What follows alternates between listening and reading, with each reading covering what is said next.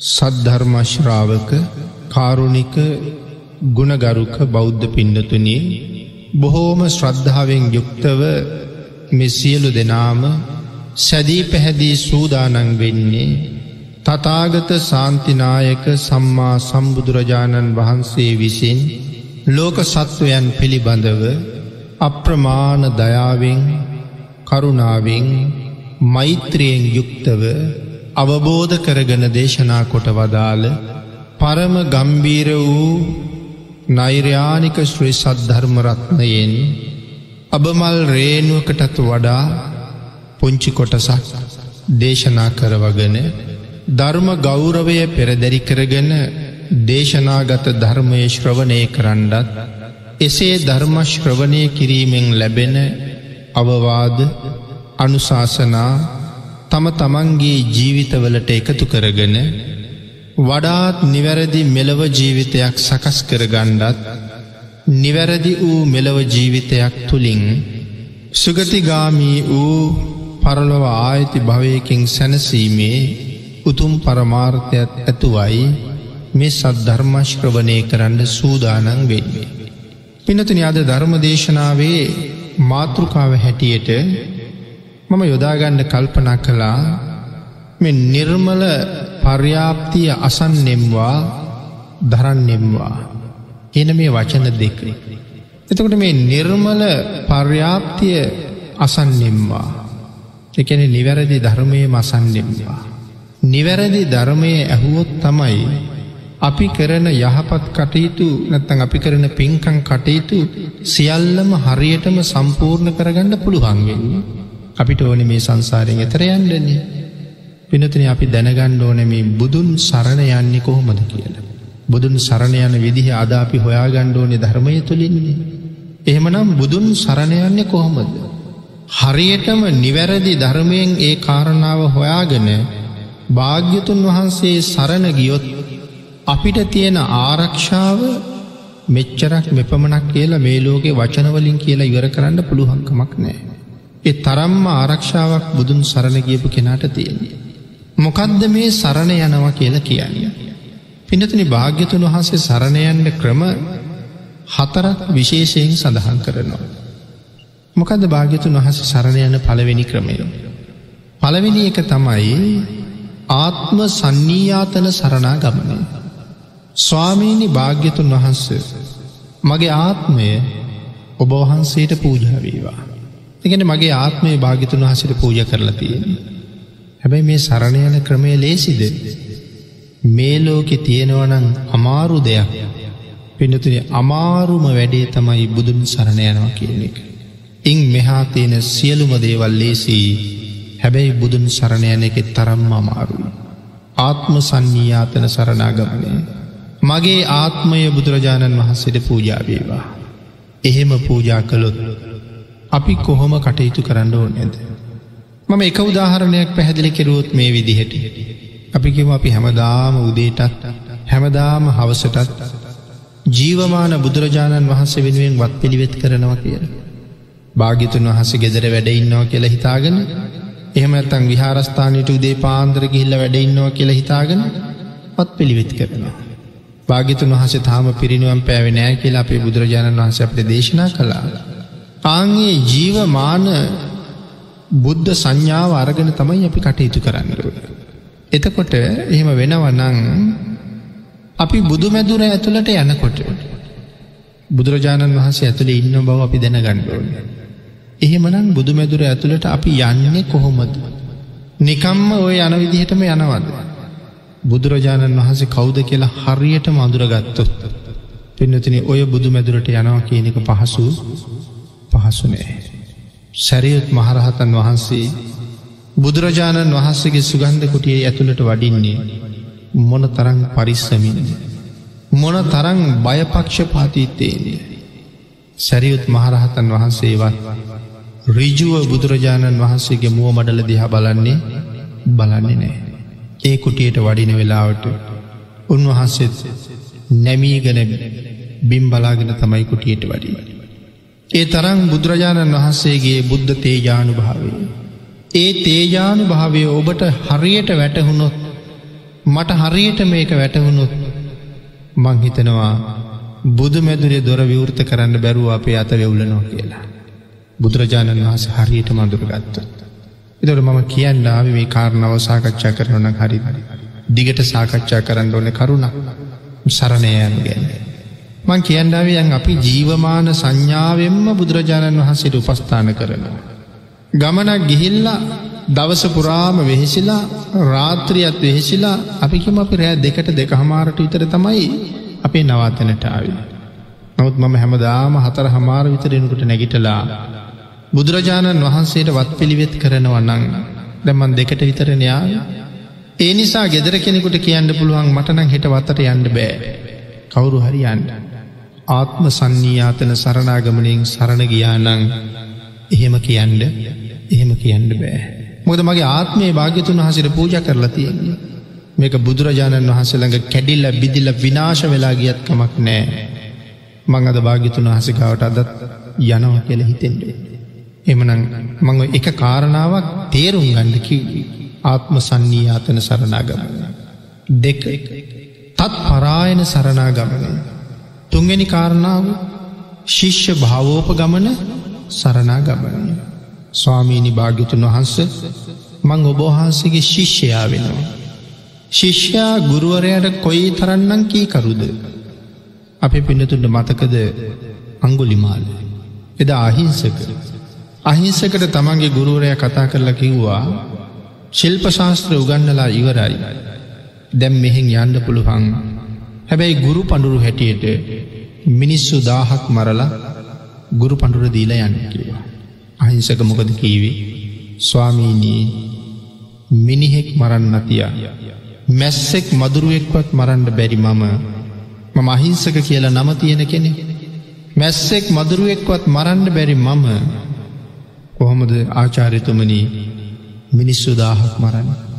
ආං එහෙම සඳහන් කරහම ආචාරවරයා සඳහන් කළේ මම ඉල්ලන ගුරු පඩුර දෙන්න බැරිනං උඹට ශිල්ප පිහිටන්නේ නෑ කියලා. ආං ඒ වෙලාවෙකිව්වා හෙනම් මට දෙන්න කඩුවක්. දුනු ඒ තලත් අරගෙන කඩුවකුත් අරගෙන වනාන්තර ගත වනේ කාට කීකරු වෙලාද ගුරුවරයට කීකරු වෙලා. එමනම් ගුරුවරයා කියනවනං මිනි මරණ්ඩ කියලා අතීත ශිෂ්‍යයා මිනිමැරුවා. ඒ ඇන එ තරම්ම ගුරුවරයට කීකරුයි. එනම් ශිෂ්‍ය භාවෝප ගමන සරනාගමනයෙන් සරණ යනවා කියල කියන්නේ. ආං ඒ තරමටම භාග්‍යතුන් වහසට කීකරු වෙනවා කියන එකයි. අතීත ශිෂ්‍යයාගේ මට්ටමින් කතා කරනවා මිසක් වර්තමාන ශිෂ්‍යයාගේ මට්ටමෙන් කතා කරනවා නෙමේ. හතරවෙනි කාරණාව. පනිපාත සරනාගමන. මොකද මේ පනිපාත සරනාගමනය කියල කියන්නේ. ගුණය දැක සරණ යනවා කියන එක. බුදුරජාණන් වහන්සේගේ අනන්ත ගුණ අපි කවද දැකලා කොහොම සරණ යන්ද. නමුත් මේ ගුණය යම්තාක් හරි දැනගෙන ශ්‍රද්ධා මාත්‍රයෙන් භාග්‍යතුන් වහන්සේ සරණයන්න වෙන. එහෙම නැත්තන් කවදාවත් අපට බුදුරජාණන් වහන්සේ තේරුම් අරගණනන් ඉවර කරන්න ඉවර කරන්න බෑ අපි වාගේ කෙනෙකුට. කොහොමද සඳහන් කළේ බුදුරජාණන් වහන්සේ කවුද කියලා. සැරියත් මහරහතන් වහන්සේත් අනුමාන කරනවා විතරයි කියලා. භාගිතුන් වහසගේ ඥානය භාගිතුන් වහසගේ ගුණය සම්මා සම්බුද්ධ කියන මේ මහා ශ්‍රේෂ්ඨ පුරුෂෝත්තමයාණන් වහන්සේ කවුද කියලා සැරියුත් මහරහතන් වහන්සේත් අනුමාන නං කළේ අපි කවද කොහොම කොහොම තේරුම් ගණ්ඩද සම්මා සම්බුද්ධ කියන මේ මහා ශ්‍රේෂ්ඨ මානුෂික රත්නය. එමන හරියටම සරණ යනවා කියන කාරණාව මුදුම් පත් කර ගණ්ඩ මේ කාරණාටික හරියටම අහලා තියෙන්ඩ ඕනේ. දැනගෙන තියෙන්ඩ ඕනේ. එනම් ඒ කරුණු අහන්ඩ ලැබෙන්නේ දැනගණ්ඩ ලැබෙන්නේ නිර්මල පර්යාප්තිය තුළින්. නිර්මල ධර්මය තුළින්. එහෙම අහල දැනගෙනයි අපිට සරණයන්ට පුළුවන්කම තියෙන්නේ. මම සඳහන් කලා සරණගියුත් ලැබෙන ලාභ මොනවද කියලා. මොනෝද ලැබෙන ලාභ පළවෙනි ලාභය අපාය බයින් මිදෙනවා. ඊටත් වඩා ලාභයක් මේ ලෝකෙ ලැබෙන්ඩ තියෙනවා. ඊට වඩා වෙන ලාභයක් නෑනේ. ඒකේචි බුද්ධං සරණං ගතාසේ නතේ ගමිස්සන්ති අපාය භූමින් පහාය මානුසන්දේහං දේවකායන් පරිපූරෙස් සන්ති. යමෙක් බුදුන් සරණ ගියානං නතේ ගමිස්සන්ති අපාය භූමින් යන්නෑ කවදාවත් අපායක. මනුස්සකයෙන් ප්‍රාණවායව ඉක්ම යනවාත් සමගම දේවකායන් පරිපූරෙස් සන්ති සම්පූර්ණ කරන්නේ දෙව් පිරිසයි. කවුදේ බුදුන් සරණ ගියපු කෙනා. ඒ කියන්නේ කවුද බෞද්ධයා. හැබෑ බෞද්ධයා නිරයට යන්නෑ කියන කාරණාවයි කියලතියෙන්. එහෙමනම් අපි හැබැවිම්ම බෞද්ධෝ බවට පත්තෙන්ඩුවන්නේ. ඊළඟට බෞද්ධයට තියෙන තවත් එක ආරක්ෂාවක් මම මෙහෙම සඳහන් කළොත්. පිනති අපේ ජාතක පාලී තියෙනවා සංක ජාතිකය. සංක කියන බ්‍රහ්මණතුමා ඒ කියන්නේ අපි බෝසතණන් වහන්සේ. අබුද්ධෝත් පාද කාලයක දන් දෙනවා. දවසකට කහවනු ලක්ෂ හයක් වියදන් කරන. දානශාලා හයක් තියෙනවා ඒ දානශාලාහයේ දවසකට කහවනු ලක්ෂයක් එක ශාලාවක වියදන් කර. එතකොට හයක් වෙනකොට දවසකට ලක්ෂ හයක් කහවන් වලින් වියදන් කරන. මෙහෙම දන්දීගෙන යනකොට සංක බ්‍රහ්මණ කියන අප්‍රමාණ දනවතේ. නමුත් මේ විදිහට දීගෙන දීගෙන යනකොට එයාගේ දනස්කන්දේ ටිකෙන් ටික ටිකෙන් ටික ශයවීගෙන ශයවීගෙන යනවා. සංක බ්‍රහ්මණ දන් දෙන එක නැවැත්වේ නෑ. තමන්ගේ පිරිසටිකිව හැම දාම දානශාලාවල්ල දාන දෙනෙක ඔය විදිහටම කරගෙන යන්න. මම විදේශ ගත වෙනවා. මොකටද තව ධනය හම්බ කරන්න. දන්දෙන්ට. අත වැසියකුත් අනගහගෙන තවත් පිරිසක් එක්ක තමයි නැවක යන්නේ තනීම නැවක් යන්නේ. එහෙම යන්න පිටත් වෙලා දැන් මකට බැස්සා. ඒ කාලේ අබුද්ධෝත් පාද කාලයක් නිසා නමුත් පසේ බුදුරජාණන් වහන්සේල වැඩ හිටිය. පසේ බුදුරජාණන් වහන්සේ උන්වහන්සගේ ඥාන ශක්තියෙන් දැක්කා මහසත්වයෝ දන්දෙන්ට ධනය හොයන්ඩ විදේශගතවෙන්ඩයි සූදානව. අතර මගදී මහසත්වයන්ට කරදරයක් වෙයිද කියල බැලවා.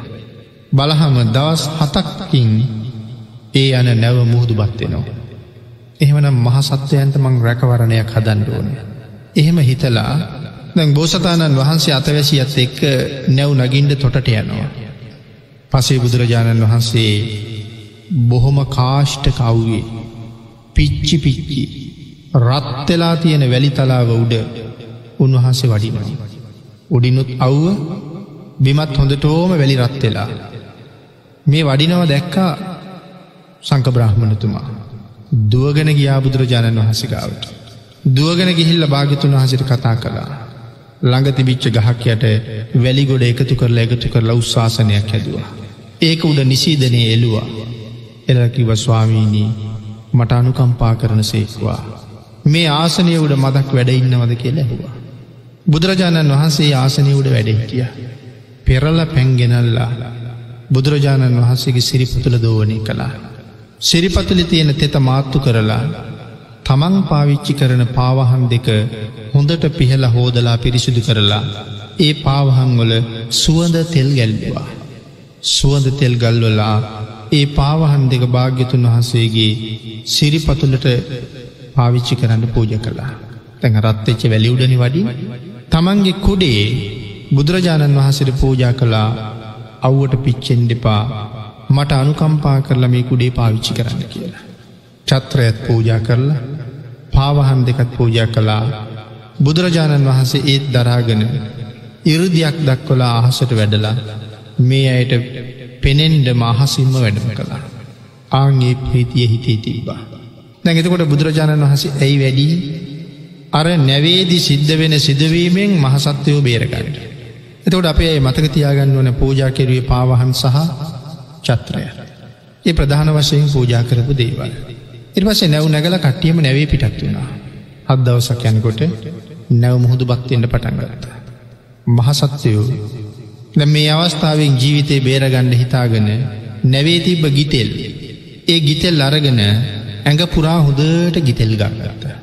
ඇයි ගිතෙල් ගාගත්තේ එතකොට දැන් තෙල් ගොඩක් නෑගේ තෙල් ගොඩාක් ඇගේ තැවරිලා තියෙනකොට සාගරයේ පීනනකොට දැනෙන සීතල දැනෙනවා අඩුව.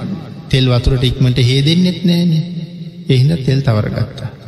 හකුරු තිබුණා ගිතලුත් එක එකතු කරලා මේ නැව දැන් ගිලෙන්ට පටන් අරගෙන පුළුහන් තරන් හකුරු කෑව.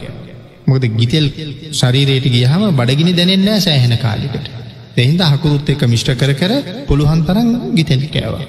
තමන්ගේ අතවැසියත් ඒ දේම කෙරෙව්වා. උසම තැනකට ගියා. බාන මොන ප්‍රඥාවද්ද කියලා. දැන් ඇඟපුරාම තෙල්ගාගෙන හකුරුත් කාලා දෙන්නම මුහතට පයින්ඩ ලෑස්ති අර උසම තැනට නැගලා ඈතට පැන්න. ඇයි ඈතට පැන්නේ. දැම් මේ මිනිස්සු කෑගහගහ තමන්ගේ ඉෂ්ට දේවතාව වූ සිහිපත් කර කර මේ දඟලන අතරේ මේ නැවේ තියෙන ලීයක් මොකක් හරි උපකරණයක් ඇනිලා එක්කෙනෙකුගේ හරි ලේ වෑහෙන්ඩ පටන්ගත්තොත් සාගරයේ ඉන්න මහමත්සියෝ ලේවල දුර්ගන්ධයට වේගෙන් එතෙන්ට එනවා. ද මෙතෙන්ටම පැනලපීනන්ඩ පටන්ගත්තොත් ඒ මක්ෂයන්ට අහු එන්න පුළුවන්. ආං ඒක හින්ද තමයි උසම තැනකට නැගල ඈතට පයිමයි. ඈතට පැනල දැම් පීන ගොඩ බිමක් හොයාගෙන. ගොඩ බිම මේ පැත්තෙන් ළඟයි කියලා හිතාගෙන ඒ පැත්තට පීනනවා. හැබැයි සඳහන් කරනවා. ඒ පීනන ගමන් මුහුදු වතුරෙන් හොඳට කටහේදවා කියලා. කටහේදුවයයි අර අනුභව කරපු හකුරු කෑලි තෙල් කටේ තියෙනවා. දැම් මේ ලෑස්තිය සිල් ගණ්ඩ බලන්න ආරක්ෂාව හදාගන්න හැට. මැරුණත් කමක් නෑ සිල් මත ඉඳලා. දැන් එතකොට අර තෙල් හකුරු සිල්ගත්තට පස්සේ ගිලුනොත් එහෙම විකල භෝජන වෙනවා. අගේ හිද හොඳට කටහිදවා. කටහෝදලදාල් පීනන ගමම් අටසිල් සමාදන්නවා. දැන් අටසිල් සමාදන් වෙලා පීන. අතවැසියත් පිටිපස්සෙන් පීනවා. දවස් කීපයක් පීනවා. පිනතුනේ දෙවියෝ විසින් මෙ මහසාගරයට පත් කරලා ඉන්නවා දෙවඟනක්. මනි මේ කලා කියලා දෙවඟනක් පත් කරලා ඉන්නවා. ඇයි මේ දෙවඟන පත් කරලා තියෙන්නේ. තෙරුවම් සරණ ගියපු අය. මව්පියන්ට උපස්ථාන කරන අය සාගරයට වැටුණොත් ඒ අය බේරන්ඩයි මනි මේ කලාව පත් කරලා තියෙන්නේ. දැම් බලන්න මේ කාරණාව ඔස්සේ සාකච්ඡා කරනවනම් කොච්චර ඇතට කතා කරන්න පුළුවන්ද කියලා. එතකොට මනි මේ කලා දෙවගෙන පත් කරලා ඉන්න මොකටද තෙරුවන් සරණ ගියපු මව්පියන්ට උපස්ථාන කරන අය සාගරයට වැටුනොත් බේරගන්නට. මනි මේ කලාවට්ටික දවසක් විවේකීව හිටිය. ඒහින් දම්මහ සත්‍යයෝ සාගරයට වැටුණ බව දැක්කෙන. හැබැයි හදිසියේ බලනකොට දැක්කා. ඒ වෙලා බය වුණා දවසත් දෙක ගිහිල්ලා. මැරුණොත් එහෙම මට දෙවියන්ගෙන් ලොකු චෝදනාවක් කෙනවා. පළතුරුවාගේ ජාති ප්‍රනීත ආහාර වර්ග මහසත්වයෝ ළඟට අරගෙනවා. අරගෙන විල්ලකිව මෙව අනුභව කරන්න කියලා. ඒලයි සඳහන් කලා එපා අවස්වරයාගේ මම සිල් අරගෙන ඉන්නේ. මං විකාල ආහාර අනුභව කරන්නේ කියලා. අතවැසියත් පිටිපස ඉන්නවා. එයාගේ කල්පනාව කවුරු එක්ක කතා කරනවද මේ මහමුහුදී. බඩිගින්න වැඩි වෙලා විකාර වෙලාද දන්නෑ කියලා යට හිතෙනවා. එහින්ද යාහනවා කවුරු එක්ක දොයි කතා කරන්න කියලා. ඒ වෙලා සඳහන් කරනවා මෙතන ඉන්නවා. තාම ලස්සන රූපයක් තියෙන දිවියංගනාව. ඇය කෑම බීම ගෙනල්ලා. මංකිව මන් සිල්ලරං ඉන්න මට එපා කියලා. ඊට පස අතවැසිය කියන අහල බලන්ඩ මනුෂ්‍යයෙක්ද අමනුෂ්‍යයෙක්ද කෞුද කියල. ඉට පස තමයි කෞුද කියලා හන්නේ. ඉට පසි තමයි සඳහන් කරන්න මම ආවේ ඔබ බේරගන්න කියලා. ඒවෙලාව සඳහන් කළා මම බේරගන්නවා කියන්නේ ඇයි. මගේ පිනකින් මම බේරනවද නැත්තං ඔබේ කරුණාව හින්ද මම් බේරනවාද කියලා හන්න. නෑ ඔබේ පිනෙන් ඔබ බේරනවා. මොකක්දේ මහපින්. ඒලා දෙවඟ නහනව මතක නැද්ද. අදර දවස් ගානකට කලින් මේ ගමන එන්ඩ පිටත් වෙලා මගදිකරපු පින්කම මතක නැද්ද කියල. ආගේ කුසලය හරි බලව. ඒ නිසා මනි මේ කලා දෙවඟන නැවක් මවල ඒ නැව සත්‍රුවන් නොලින් පුරවලා සංක බ්‍රහ්මණතුමා ඒ නැවෙන් උත්සලා තියෙනවා. තැකතොට අතවැසිය බ්‍රහ්මණතුමා විතරය උත්සලා කළ. අතවැසිය ගත්තෙනේ. බ්‍රහ්මණතුමාහනෝ දැන් මගේ අතවැසිය ගන්න ඇත්තේ ඇයි කියලා. එයා ගණ්ඩ බෑකිව්වා. ඇයි එයා ගණ්ඩ බැරි කිය ලැහුවා. එයාට තිසරණ නෑ කිවා. බලන්ඩ තියෙන ආර්ක්ෂ. යට තිසරණ නෑ ගණ්ඩ බෑකිවා. බොසතාණන් වහන්සේ නැවේ ඉඳලම තමන්ගේ අතවැසියට තිසරණ සමාදන් කරන. ආං ඊට පසේ අතවැසිය අත්තරගෙන නැවී තියෙන. එතොට මතකද මගදි පූජා කරපු දේවල් පාවහා චත්‍ර එතකොට අපේ ශාසනයේ පාවහම් පූජාව කියල කැනෙ මොකක්දේ පූජාව. පාවහං පූජාව කියල කැන යානා පූජාව. හොඳ පාවහං පූජා කරනවා කියල කියන්නේ සංසාරයට හොඳ යානවාහන හම්බෙනවා කියන එකයි. එමනං ඒ පාවහං පූජාව මේ මහපොලෝ උඩ විතරක් යානා නෙමේ මැවුණේ මහසාගරයේ යානා හම්බුනෙත්තේ පිළින්. දෙවගෙන කිව්වන ඔබ කරපු පිනෙන් පිහිට වෙනවාන කියල් එ මොන දරං වටිනවා දේවාගේ පින්කං. දැඟතෝට ඒ දේවල් අපිට අහල දැනගණ්ඩ තියෙනෙ කොහෙන්ද නිර්මල ධර්මය තුළින්මයි. ආංගේ කරුණු දැනගෙන එහෙනම් අපි කෝමද පින්කං කරන්න ඕනි කියන කාරණත් අපි ජීවිතයට එකතු කර ගණ්ඩෝනය. සංසාරය නිවන්දක්නා ජාති දක්වා ආරක්ෂාව හැදෙන විදිහට පින්කං කරන්න අපි ප්‍රඥාවන්ත ප්‍රඥාවන්ත වෙන්ඩෝනේ. එතකොට එහෙනම් තෙරුවන් සරණ ගීප එක එතන තිබිච් ආරක්ෂාව. එනම් හොඳට සරණ තියෙන හොඳට පින්තියෙන අය මහසාගරයට වැටුනක් දෙවියෝ හරි බේරනවා. ඒ කාරණාව තේරුම් ගණ්ඩ මේ රටේ අවස්ථා කීයක් අපිට තිබුණද. පිනතින අපි කාලයක් දැනගෙන හිටියේ නෑ මහමුහොද ගොඩට එනවා කියලා. කැලනිතිස්ස රජ්ජුරුවන්ගේ කාලේ මහමුහොද ගොඩට ගැලුව කියන කාරණාව අපි ඒ තරම්ම පිළිගත්තේ එ තරම්ම පිළිගත්තේ නෑ. හැබැයි අපි පිළි නොගත්ත ඒ කාරණාව මීට වසර කීපයකට කලින් අපේ ජීවිතයේ අපේ දෑස් ඉස්සර අපිට අපිට දකිින්ඩ දකිින්ඩ ලැබුණා. මෙතෙක් පිළි නොගත්ත කාරණාව අපිට පිළිගණ්ඩ සිද්ධ වුණා. නමුත් මේ කාරණාව අපේ ජීවිතවලට තව කොච්චර දේවල් එකතු කෙරුවද හරියට හිතුවන. මහසාගරයේ ඉන්න දෙවිවරු අනුකම්පා කරලා මිනිස්සු බේරෙනවනන්න. ඒ වෙසනයෙන් කී දෙනෙකගේ ජීවිත නැති වුණාද. හැබැයි ටික දෙනෙක් බේරුණා. ඒගොල්ලන්ට විශේෂ පින් තියෙන්ට නැතුව ඇද්ද. පොල්ගස්වල එල්ලත් බේරුණා. ගල් පරවුඩ එල්ලත් බේරුණා. මංහිතන අර කෝච්චිය ගියපු කෙනෙකුත් දරුවකුත් බේරිලා පෞගේ දවසලත් අන්තර්ජාලය මන්දක තොරතුර ඉදිරිපත් කරලා තියෙන. ඒ කාරණාවත් එහෙමයි. මිනිස්සුන්ට ඇස් ඇරෙන්ඩ කොච්චර දෙයක් වුණාද අපේ අයට මතකද කැඩිල්ල බිඳිල විනාශ වෙලා තිබිච්ච ගොඩ නැගිලිවල ස්වභාවය. අට්ටු දහය පහලෝති බිච්ච ගොඩ නැගිලි පස්සෙ දැක්කේ අත්තිවාරං විතරයි. ඒවුනාට හිතල බලන්නකෝ කොතනවත් තිබිච්ච පුංචි හෝ බුදු පිළිමයක් විනාශ වෙලා තිබ්බද කියලා. මේ තරං දැවන්ත ගොඩ නැගිලි විනාශ කරපු මේ මහරැල්ල ඇයි එකම බුදු පිළිමයක්වත් අරංගිය නැත්තේ. ඒ කාරණාවෙන් අපේ ඇස්සැරෙන් ඕනෙ නැද්ද. අර පහුගේ කාලෙ නාය ගීපු තැනකත් ගමක්ම යට කරලා දැම්ම. හැබැයි බෝධියක් ගාව එක බුදුකුටිය ඉතුරු වෙලා තිබුණ එහෙම. සමහරයනං අහල තිබුණා ගමක් වනසලාමකොටද බුදු පිළිමයක් ඉතුරු කෙරුව කියලා. හැබැයි හිතන්ඩ ප්‍රඥාව තිබෙනෑ ඇයි මේක ඉතුරුණේ කියලා. එහෙමනං සරණ තියෙනය ගුණ තියෙනයට මහසාගරය සලකනවා කියන කාරණාව අපිට පේනවා භාගිතුන් වහසේට මේ මහජල කඳ සල කලාති බිච්ච හැටි. අර බේරිච්චායටත් බොහෝ විශේෂ අනුකම්පාවක් වගේම බොහෝ කුසල් තියෙන් ඇති. එනම් භාගිතුන් වහසේ සරණ යෑම මොන තරංනම් අපිට ආරක්ෂාවක් හදනවාද. ඉතින් ඒ නිසා අපි හරියටම භාග්‍යතුන් වහස සරණ ගියා නං මේ බෞද්ධ කියලා ඉපදිච්ච ජීවිතේ අපාය බයෙන් අපි නිදහස් කරනවා කියන කාරණාව තවත් සැක උපදවන්ඩ දෙ ඊළඟ කාරණාව තමයි පින්නතින ඒ සරණයෑම තුළ බුදුරජාණන් වහන්සේ පිළිබඳව අල්පමාත්‍ර සැකයක් ඇති නොවෙන්ඩෝනේ. ඔය විදිහට සරණයනවා සරණ බිඳෙන හැති දැන ගණ්ඩෝනේ. වෙනත් කෙනෙක් මගේ ශාස්තෘ තනතුරේ තියාගත්තොත් එදාට භාග්‍යතුන් වහන්සේගේ ශාස්තෘත්වය මගෙන් අයින් වෙනවා. බුදුරජාණන් වහන්සේ මට සැකහිතෙනවනං එදාටත් භාගිතුන් වහන්සේ මගේ ශාස්තෘත්වයෙන් අයින්ගෙන මට සැකයි භාගිතුන් වහසේ. ඒ නිසා. සමහර කෙනෙක් හිතන්ට පුළුවන් බුදුරජාණන් වහන්සේරං පිළිගන්නවා හැබැයි ඔය දෙතිස් මහාපුරුෂ ලක්ෂණ අසුවක් අනු ව්‍යංජන ලක්ෂණ දෙසිය දාසයක් මංගල ලක්ෂණ මේ ව්‍යාම ප්‍රභා අසිති හස්තිය ප්‍රභා ෂඩ්වර්ණ රශ්මි මාලාව මේ දේවල්නම් අපි පිළිගන්නේ අපි පිළිගන්නේ නෑ කියලා කෙනෙක් කියන්න පුළුවන්. නමුත් සරණ බිඳෙන්ඩ මේ එක අනු ව්‍යංජනයක් හෝ මං පිළිගන්නේ නෑ කියල සැක ඉපදෙව්වොත් සරණ බිඳෙන බවයි සඳහන් කරලන්න. ආං ඒකයි සඳහන් කළේ හරියටම සරණ පිහිටන්ඩ අපිට භාගිතුන් හස කවුද කියලා හරියටම තේරුම් අරගණ්ඩ වෙනවා. සැක නැතිවෙන්ඩ වෙනවා. බුදුරජාණන් වහන්සේ මොනතරං රූපයෙන් ලස්සනද. මොකද මේ ව්‍යාම ප්‍රභා කියල කියන්නේ.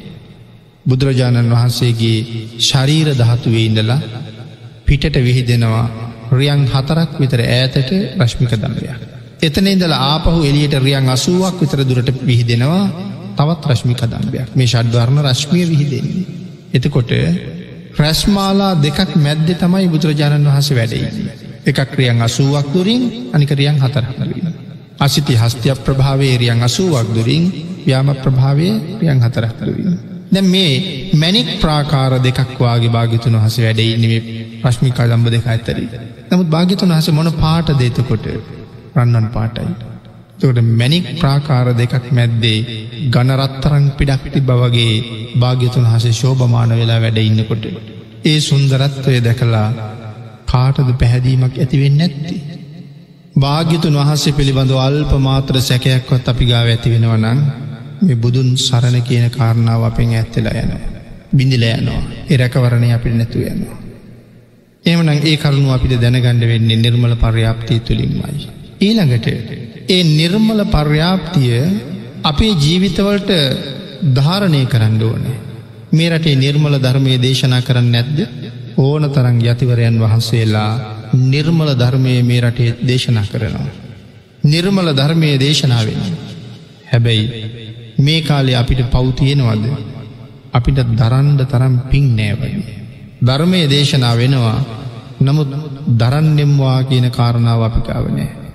ඒ නිර්මල ධර්මය අපි හරියට දැරුවනං පිනතින අපේ රටේ මේ තරං වංචා සිද්ධ වෙයිද මේ තරං දූෂණ සිද්ධ වෙයිද මේ තරං අල්ලස් ගනීද මේ තරං භීෂණ ඇතිවෙයිද ඇයි කර්මය කර්ම පලේ එහෙනම් හොඳටම දරනවන මිනිසු ධර්මය හිත්තුල තැන්පත් වනානා. එහෙම උනානං රට කොච්චර ලස්සන වෙයිද. කල්පන කල බලමුක අපේ පාසල් පද්ධතිය පිළිබඳව. මොන තරං සෝචනීය තත්ත්වයකද තියෙන්නේ කියලා. පාසල් දරුවන්ගේ ජීවිත ඒ රටේ අනාගතය භාරගන්න අයනෙමෙද. විශ්වවිද්‍යාල දරුවන්ගේ ජීවිතය. කොයි තරන්නම් පිරිහිලාද. මොන තරන්නම් සෝචනීයද. මෙවන් පිරිසක් අනාගතයේ රටේ නායකත්වයට එනවා කියලා කියන්නේ අනාගතයේ රට මේවාගේ පිරිසක් භාරගන්නවා කියලා කියන්නේ. මේ තමයි අනාගතයේ මේ රටේ ජනතාව වෙන අය බවට පත්වෙනවා කියලා කියන්නේ. මේ රට මොන තරං අවාසනාවන්ත රටක් බවට පත්වේද. අපිට එමිතෙන් නැද්ද තවරවුදු දහයක් පහලවකවට හිම වෙයි කියලා. එන තාම භාග්‍යතුන් වහසේගේ ධර්මය ඒ කාටවත් දැනිලා දැනිල නෑ හිත්වලට ගිහිල්ල නෑ හරියට ඒක දරන්නේ දරන්නේ නෑ කවුරුවත් ඒ අයි සංවර කරලා නෑ ඒ අයට බුද්ධහගම උගන්නලත් නෑ නමුත් අපි කියනවා අපි බෞද්ධ කියලා. කොහොමද බෞද්ධ වනේ කියලා ඇහුවොත් බෞද්ධ වෙච්ච විදිහ දැනගණඩ පුළුවන්කමක් දැනගණඩ පුළුවන්කමක් කවුරුවත් ගාවනෑ ඒ කියන්නේ අපි බණනං ඇහුවා. අපිට ධාරණ ශක්තිය තිබුණ නැති හින්දා එව මතක නෑ. එනම් දරන්නෙම්වා කියන කාරණාව නෑ නැගිටලා යනකොට ඔක්කොම එතන ඉවර වෙලා අප ගිහිල්ලති. කොච්චර ඇහුවත් මතක නැතුව ගිහිල්ලා. හැබැ පින්නතුන නිර්මල පර්යාප්තියම දේශනා කරන්න. ඇයි දහම් දේශනා කරන්නේ සත්වයාගේ කෙලෙස් වැඩෙන්ඩ නෙමෙයි ධර්ම දේශනා කරන්න ශ්‍රාවකයගේ කෙලෙස් අඩුවෙන්ඩයි ධර්ම දේශනා කරන්න. ඒක නිර්මල පර්යාප්තිය දේශනා කිරීමේ සුවිශේෂී කාරණාව. නමුත් යම් දේශනාවක් අහල කෙලෙස් වැඩි වෙලා නැගිටිනව නං සසර ගමන කෙටි වෙලා නෙමේ තියෙන්නේ සසර ගමන දික් වෙලා තියෙන. හිනාවෙවී නං බණ කියන්නේ හිනාවෙවී නං බණහන් කවරුවත් විවේචනය කිරීමක් නෙමේ අපි ආරක්ෂාව අපිට තියෙන් ඕන නිසා.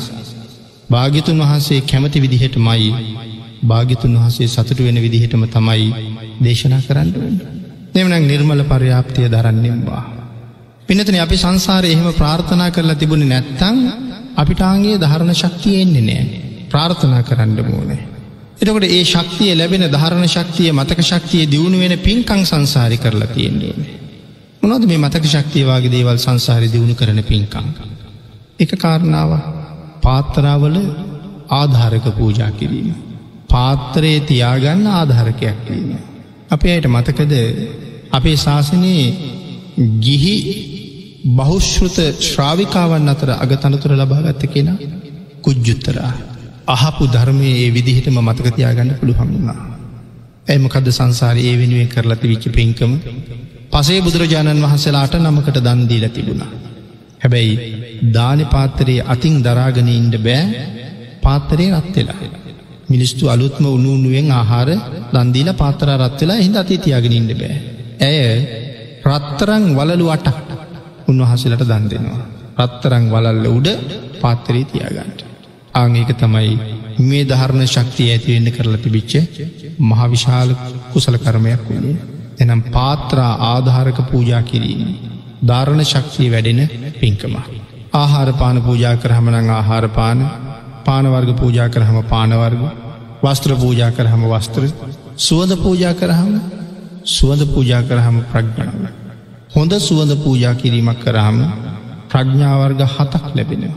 හොඳ පූජාවක් කරහම. හැබැයි ඒ සුවඳ පූජාව කොහොමද කරන්න ඕනේ දාන දාසමට්ටමින් පූජා කරලා බැහැ එක දානපති මට්ටමින් පූජා කරන්නගන්න. මංහිතන වර්තමානී අපි විශාල පිරිසගේ පූජාවදාන දාස කියලා. ඇයි අපි බුදුරජාණන් වහස ගාව ගිහිල පත්තු කරනවා හඳුන් කූර. ඇත්තර මේ හඳුන් කූරක්ද. අපි පත්තු කරන එක හඳුන් කූරක් වෙන්න නං හඳුන් ගහක් කපලා හඳුන් කොටයකින් හදාගත්ත කූරක් වෙන්න ඕනෙන. ඒකනේ හඳුන් කූර කියල කියන්නේ. ඇත්තටම අපි අරංයනය හඳුන් කූරක් දෙතකොට. හඳුන් කූරක් නෙමේ. අතීතය අය තමයි හඳුන් කූරු පූජ කෙරුවේ. දැන් හඳුන්කුරු නෑ ආගේ හින්ද දැන් මෙ නිකං කෝටුවක් වටේට තවරපු වෙන මොකක් හරි ද්‍රව්යක් ගොමහරි ලීකුඩු හරි ඒකට සුවඳ වර්ගයක් එකතු කරලා තමයි අපි පූජ කරන්න. නිකං හිතල බලන්නකෝ ඒ වුනාට අපි ගත සුවඳවත් කරගණඩ පාවිච්චි කරපු සුවඳ විලවුන් එක අර හඳුන් කූරට වඩා හුඟක් සුවඳ නැද්ද කියල. ඊට වඩා හුඟක් මිල නැද්ද කියල. එනම් මිල අඩු එකක් භාග්‍යතුන් වහසේට පූජා කරලා මිල වැඩිය එකක් අපි පාවිච්චි කරුව කියල කැන අපි දාන දාසද දානපතිද දානදාස එනම් භාගිතුන් වහසර තමයි සුවඳ වැඩිම එක දෙන්න වටින. එහින්ද ඒ සුවඳ විලෝග එක ගෙනහිල්ලා බුදුකුටිය සුවඳවත් කරලා ඇන්ඩ පුළුහංකම තිබුණ නං අපි දානපති මට්ට මේ සුවඳ පූජාවක් කරලා. මල් පූජා කරනකොටත් උත්සාහ කරන්න ඕන.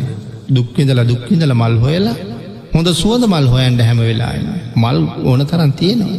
නමුත් මොනමල්ද ගොඩක් සුවඳ. නිකම්මල් සීයක් පූජා කරනවට වඩා එක සුවඳ මලක් පූජා කරන්නේ කරට වඩා වටිමට. ඉති එහෙමනක් සුවඳ පූජාවෙන් හම්බ වෙන්නේ ප්‍රඥාව. සංසාරයට ඒ ඒ විදිහට ඒ ඒ දේවල් විපාක දෙන්ඩ කොයි කොයි විදිහට පූජාවල් සිද්ධ කරන්න ඕනෙද කියන කාරණාවල් අපි හොඳට දැනගෙන තියෙන්ඩුවන. කැපදේවල් පූජා කෙරුවේ නැත්තං. සංසාරය අපිට පින් ලබන්ඩ කියලා පූජා කරලා තිනි පවසිද්ධ වෙන දේවල්. පූජා කරන්න පින් සිද්ධ වෙන්ඩ නමුත් දන්නමනතු සිද්ධ වෙන්නේ සිද්ධ වෙන්න පව්. හවසට පූජා කරන චතු මදුර නැහැතන් අපි ගෙනව පංච මදුර ඒවට මොනවද ඇත්තරම එකතු කරන්න තියෙන්නේ. ගිතෙල් බටර් තලතෙල් මී පැණි උක් පැන් ඒ පංච මදුරෝල්. සමහර වෙලාවට ශ්‍රද්ධාව වැඩිහින්ද සමහරය මෙවට එකතු කරනවා විලඳ. රස වැඩිවෙයි නමුත් කැපයි දහවසට කෑලි හැපි නොනැතිවට. එතකොට අප කැප පූජාවක් අවසර කරලා තියෙන. මුද්‍රක් පලං එකතු කරනවා. පූජාවක් කැපයි. එතකොට දායකයට පින්ද සිද්ධ වනේ පව්. සීලවන්තයන්ගේ සිල් බිඳින්ට උදව් කරලා තියෙනවා මිසක් උන්වහන්සේලාට සිල් රකිින්ට උදව් කරලා උදව් කරලනෑ. අද අපේ රටේ සාමාන්‍ය උක්කර්මාන්තය තියනෙ තාම පල්ලහ මට්ටමක. එහින්ද උක් පැණි උක්කකුරු හොයන්න හරි අමාරුයි. හැබැයි චතුමදුර පංචමදුරුවලට එකතු කරන්න ඕනේ කිතුල් හකුරු නෙමෙයි උක්කකුරු. උක්කකුරු උක්පෙන්. කිතුල් හකුරකතු කල්ල දුන්නත්මකද වෙන්නේ. අප ඒ කල්පන කල බලන්නක අපි ස්වාමීන් වහසලට හැන්දෑවට තැමිලි වතර පූජ කරනවාද කියලා. ඇයි අපි තැමිලි දෙන්න ඇත්තේ. තැමිලි ගැන පිටකේ කියලා නෑ. පොල් ගැන කියලා තියෙනවා. හැබැයි ඊළඟට ඊට අනුරූප දේවල් ගැන අනුරූප දේවල් එහෙම සලකණ්ඩ කියලා කියනවා. එනම් පොල් මහපල නං තැමිලි ඊට අනුරූප නැද්ද තැමිලි ගහත් පොල් ගහවාගම තමයි පාට විතරයි වෙනස් වෙලා තියෙන ගෙඩිය. එනම් පොල්ලෝට අනුරූපයි. එනම් තළුත් පොල්ලොලට අනුරූප නැද්ද? ඒත් තාලවර්ගේ ගහ. කිතුළුත් ඊට අනුරූප නැද්ද? ඒත් තාලවර්ගේ ගහ. ඒනම් මේකට කිතුල් හකුරු එකතු කෙරුවොත් පූජාව කැපද නැද්ද? පූජාව කැපනෑ කුසල් ලබනවා කියලා කුසල්. හැන්දෑවට කිතුල් හකුරු පූජා කරන්න බුදුරජාණන් වහසි අවසර දීලනෑට මොකද මහපල නිසා.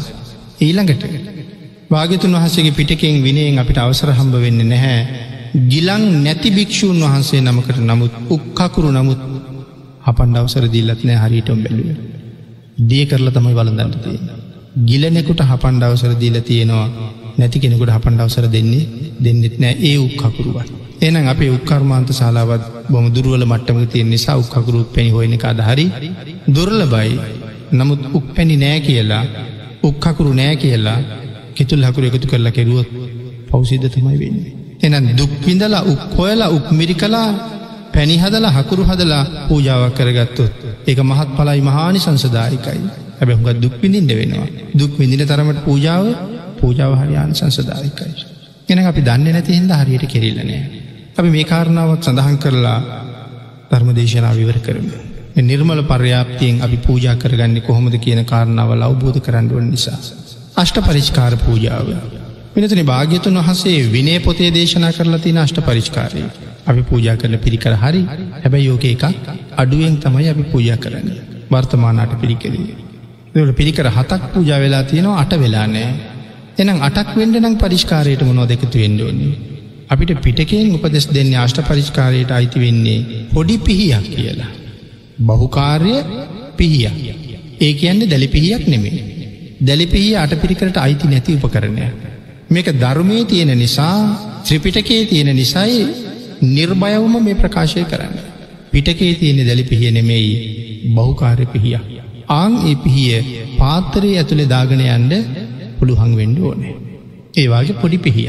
ඇයි ඒ පිහිය පළතුරු ගෙඩියක් හම්බුණොත් කපා ගන්න පුළුවන් වෙන්ඩ ඕනේ. දැලි පිහිගේ වැඩි කරන්න අමාරුව. එළකට දැහැටි කෝටුවක් කපා ගන්න පුළුවන් වෙන්ඩ ඕනේ. සිංහාසනයක් හම්බුණොත් කැප නැති නිසා සිංහ මූුණ කපල විකෘති කරන්න පුළුවන් වෙන්ඩ ඕනේ. තවහම් වෙච්චාසනයක් නියමිත ප්‍රමාණයට වඩා උසෙන් වැඩී නං ඒක කපලා තමන්ට අවශ්‍ය ප්‍රමාණයට ඒ උසහදාගන්න කකුල කපාගන්න පුළුවන් වෙන්න පුටුවේ කකුල කපාගන්න පුළුවන් වෙන්ඩ ඕන ඒ පිහියෙන්. රාත්‍රියයට වාගේ යනකොට දණ්ඩක් පාවිච්චි කරන්න දණ්ඩක් කපාගන්න පුළුවන්කම තියෙන් ඕනේ. අපි වනත් කරුවල යනවනම් පොඩි ලී කැල්ල කතී තියාගෙන යනවා. ඉස්සරහට ටිකත් තට්ටු කර කර යනවා සතෙක් සරපයකින්නවනම් අයින්වෙන්ට.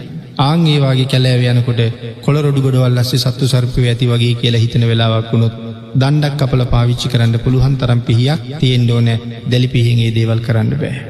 එන පින්නතුනේ තමන්ගේ කුටි අඩු පාඩුවක් තියෙනවනම් ඒ දේවල් සකස් කරගන්නත් සාමාන්‍ය ප්‍රයෝජනයට ගණඩ පුළුවන්කමක් මේ පිහියට තියෙන්ඩ ඕනේ. ආං එහෙම පිහියක් තමයි අට පිරිකරට එකතු කරන්න වෙන්නේ දැලි පිහියක් අට පිරිකරට එකතු කෙරුවොත් පිරිකර ඊට වඩා වැඩිවෙන්න ඕනේ. මොකද දැලිපිහියක් පූජා කරනවා නං පූජාව සම්පූර්ණ වෙන්ඩ ඕන නිසා දැලිපිහියත් එක තවත් උපකරන තුනක් පූජ කරන්න ඕනේ. ඒ තමයි දැලිපිහිය ගාගන්න ගල ඒ ගල පූජ කරන්න නෙහම ඇත්තගේ දැලිපිහි වැඩක් නෑන්නේ. ඊළඟට දැලිපිහිය බහාතියන කොපුුව හරියටම පූජා කරන හැටි අතීතයයි සමහරලාට සූරු පූජා කරනකොට පාවහම් පූජ කරනකොටත් පාවහන් වල ගාණ්ඩ වෙනම තෙලුත් පූජා කලා පාවහන් දෙක දාලාතියන්ට වෙනම බෑක්කෙකු පූජ කලා තියල එල්ලන්ඩ. එතමයි පූජාවල් සම්පූර්ණ කරන හැටි ආං එහෙම දන්දීපු නිසාන අපේ භාග්‍යතුන් වහන්සේගේ ශ්‍රීපාද යට චක්‍රලාංචන දෙකක් අරදහසක් සමගෝ පහළ වෙන්නේ හැම්ම පූජාවක්ම හරියටම සම්පූර්ණ කරලා දන්දුන්න නිසා. සිවුරු පූජා කරනකොට සිවුරත් පූජ කලා පඩුවර්ගත් පූජ කලා හෝදගන්න කොළත් පූජ කලා සිවර වනාගණ්ඩ වැලකුත් ලනුවකුත් පූජ කලා මේ ආදී අවශ්‍ය දේවල් ඔක්කොම එකතු කරලනි පූජා කරලා තියන්නේ. එතකොට සම්පූර්ණ පූජාව රවුන් වෙලා තියෙනවා. ආං එහෙම හැම්ම දෙයක්ම සම්පූර්ණ කර කර සංසාරි දන්දීපු හිද තමයි චක්‍රලාංචන දෙක සිරිපොදල යට පිහිටන්ඩ. එමනම් දැලි පිහිය පූජා කරනටත් අනිවාරයෙන් තෙල් ගල පූජ කරන්නත් ඕනේ කොපුුව පූජ කරන්නත් ඕනෑ පිහිය කොපුුවට දාලා ඔතල තියෙන රදි කැල්ල වෙනම පූජ කරන්න වෙනම පූජ කරන්න ඕනෑ එහින්ද කෙස් කපන උප කරන මහ පූජාවක් එක වෙනම කරන්න ඕන.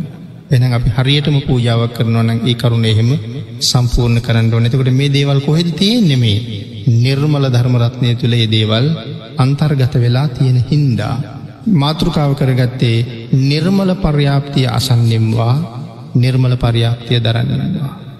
ධාරණය ශක්තිය අපිට තියෙන් ඕන ඇහුවට විතරක් මදි අහන්ඩත් ලැබෙන්ඩ ඕන දරන්ට ලැබෙන්ඩත් ඕන මේ දේවල් සංසාරි ප්‍රාර්ථනා කරලා තිබුණුත් තමයි අපිට ලැබෙන්නේ.